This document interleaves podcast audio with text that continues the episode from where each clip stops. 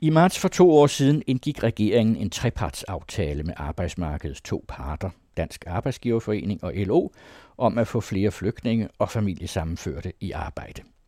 Hvad ingen kunne vide dengang var, at aftalen blev afgørende for sammenbruddet i forhandlingerne i november-december sidste år om en kombination af skattelettelser og udlændingsstramninger. Med udgangspunkt i aftalen orienterer Uwe Weiss om de aktuelle bestræbelser på at få flere flygtninge overført fra passiv forsørgelse til beskæftigelse og selvforsørgelse. Det matcher godt med arbejdsgivernes efterlysning af mere arbejdskraft og med nye undersøgelser, som viser, at halvdelen af de nytilkommende er jobparate.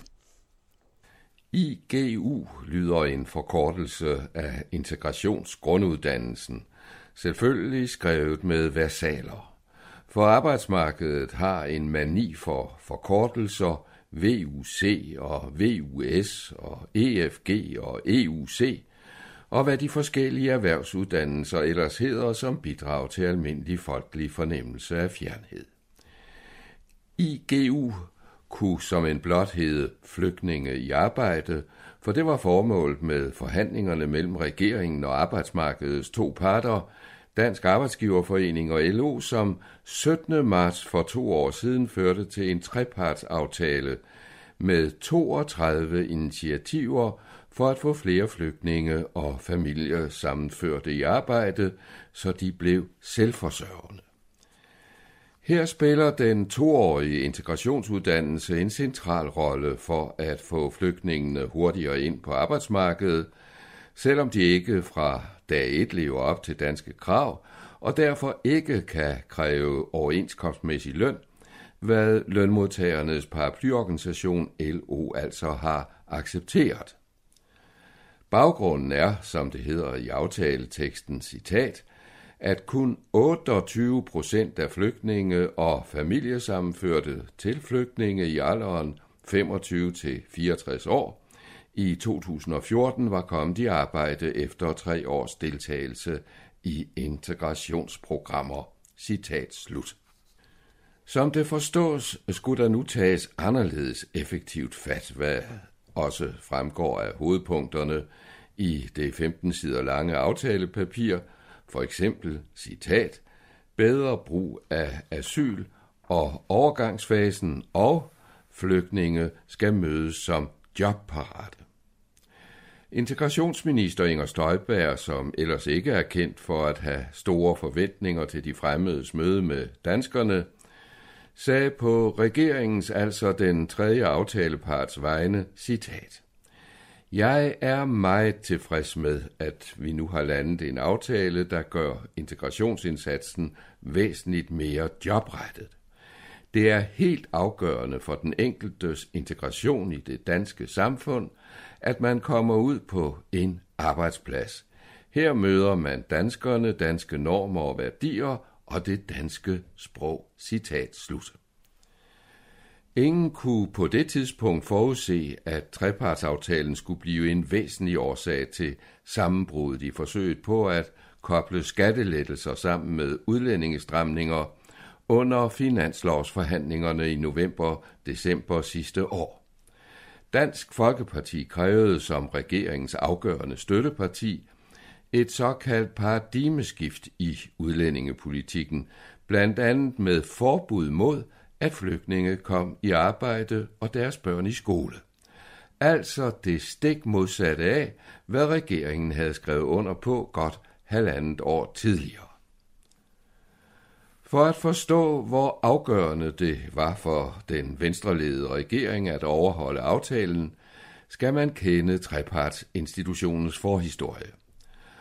Oprindeligt var den uleset ikke mindst i lønmodtagerkredse, fordi den inddrager statsmagten i overenskomstanlægner, og fordi den som modpol til klassekampen samler arbejdere og arbejdsgiver i samme båd, altså det, der kaldes en korporativ model, ikke at forveksle med en kooperativ. Når debatbølgerne gik højst dengang, blev der lige fremdraget sammenligningen med den korporative italienske arbejdsmarkedsmodel under Mussolini og den argentinske under Juan Perón. Fællesaftalen i 1987 mellem den konservative Slytterregering og arbejdsmarkedets to parter førte imidlertid til et hørligt skift i opfattelsen af trepartsforhandlingerne.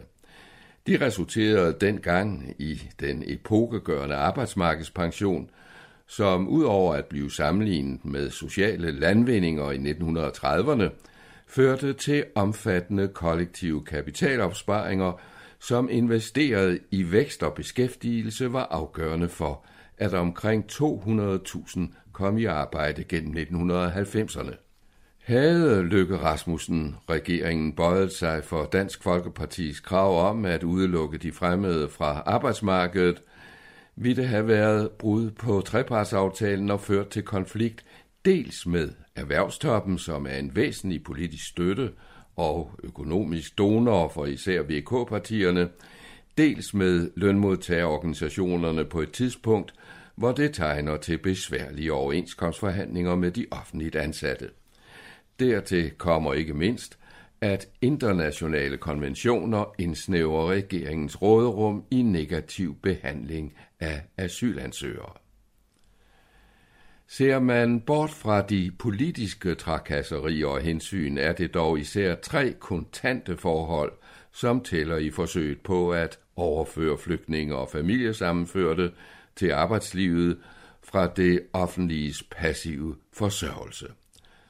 For det første er behovet for arbejdskraft voksende, for det andet er flere flygtninge og pårørende jobparate, og endelig er det eksperters opfattelse, at Dansk Folkepartis krav om at isolere flygtningene fra arbejdsmarkedet næppe øger muligheden for hjemsendelse, som ellers er DF's hovedargument.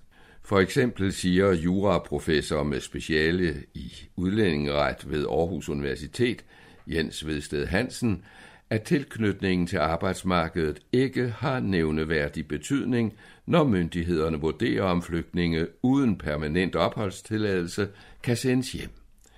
Det er situationen i hjemlandet, der er afgørende for, om flygtninge, som har fået asyl i Danmark, kan sendes tilbage til hjemlandet, siger han.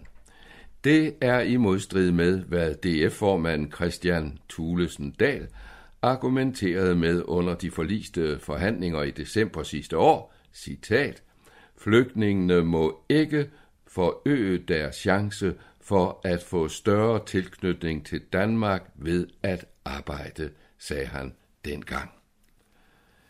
Men hovedargumentet for flere flygtninge i arbejde er mangel på arbejdskraft efter finanskrisens ophør. Midt i august sidste år udsendte Dansk Arbejdsgiverforening en advarsel om, at Danmark vil gå glip af øget produktion og dermed vækst og velfærd, hvis ikke arbejdskraftproblemet blev løst. I et 25-siders notat med titlen Mangel på arbejdskraft foreslog arbejdsgivernes hovedorganisation tre initiativer, enklere rekruttering af kvalificeret arbejdskraft, også fra lande uden for EU, større krav til kontanthjælpsmodtagere til at indgå i arbejdsstyrken og langt flere flygtninge og indvandrere i arbejde. Hvad det første angår, så har regeringen taget initiativ til forenklede regler efter en række sager, hvor udenlandske eksperter herunder forskere er kommet i klemme, efter de har bidjobbet for eksempel holdt forelæsninger på læreanstalter og rådgivet offentlige virksomheder. Det har ført til krav om øjeblikkelig udvisning. Hidtil har de skulle søge om arbejdstilladelse for hver enkelt ansættelse.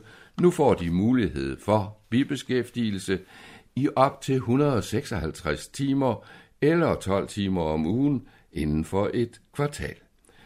Forudsætningen er, at bibeskæftigelsen har sammenhæng med hovedbeskæftigelsen.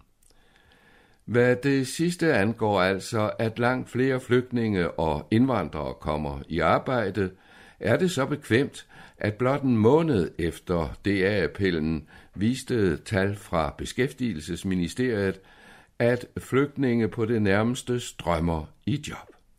På bare to år efter den overvældende flygtningestrøm fra især Syrien i efteråret 2015, er der sket en markant stigning i antallet af flygtninge og familiesammenførte i job. Det skyldes ikke alene regeringers og virksomheders initiativer, men også, at de nytilkommende er blevet langt mere jobparate, som det hedder i modsætning til det noget mindre ambitiøse aktivitetsparate. I 2015 blev det forud for statsminister Lars Løkke Rasmussens topmøde på Marienborg om integration nævnt, at blot 3 ud af 100 asylansøgere blev vurderet parat til at arbejde. De øvrige 97 blev erklæret ude af stand til at tage et job her og nu. Små to år senere viste tal fra Udlændinge- og Integrationsministeriet, at hver anden flygtning og familiesammenførte, præcis 51 procent, var jobparat, mens 49 procent i bedste fald kunne se frem til aktiviteter af forskellige slags i kommunerne. De var ikke egnet til at arbejde her og nu af forskellige årsager, især problemer som fysiske handicap og posttraumatisk stress pådraget under krigshandlinger i de lande, de var flygtet fra. Det stigende antal jobparate gemmer på et kæmpe potentiale for den danske velfærdsstat, mener professor og forskningschef i Rockwool forskningsenhed Jan Rose Skaksen. Han er tidligere økonomisk vismand og støtter intentionen i trepartsaftalen om at få flygtningene hurtigt i arbejde, så må man tage uddannelse og tilegne sig dansk kundskaber hen ad vejen, lyder hans opskrift. Alligevel halter Danmark efter Sverige, som til synlædende er mere åben over for fremmede og hurtigere til at få flygtningene i arbejde. Det er der flere forklaringer på.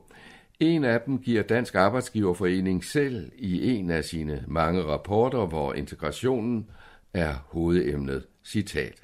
Danskerne ser ikke entydigt positivt på, at virksomhederne ansætter flygtninge, skriver DA på baggrund af tal, som viser, at 17 procent af danskerne mener, det påvirker en virksomhed negativt, at den ansætter flygtninge. Næsten hver fjerde medarbejder er afvisende over for ansættelse af folk med anden etnisk baggrund end dansk, herunder mangelfulde danskkundskaber. Således kan det almindelige samfundsklima også få indflydelse på økonomisk vækst og dermed velfærd. Du hørte en politisk kommentar af Ove Weiss i den anden radioserie Europaprofilen.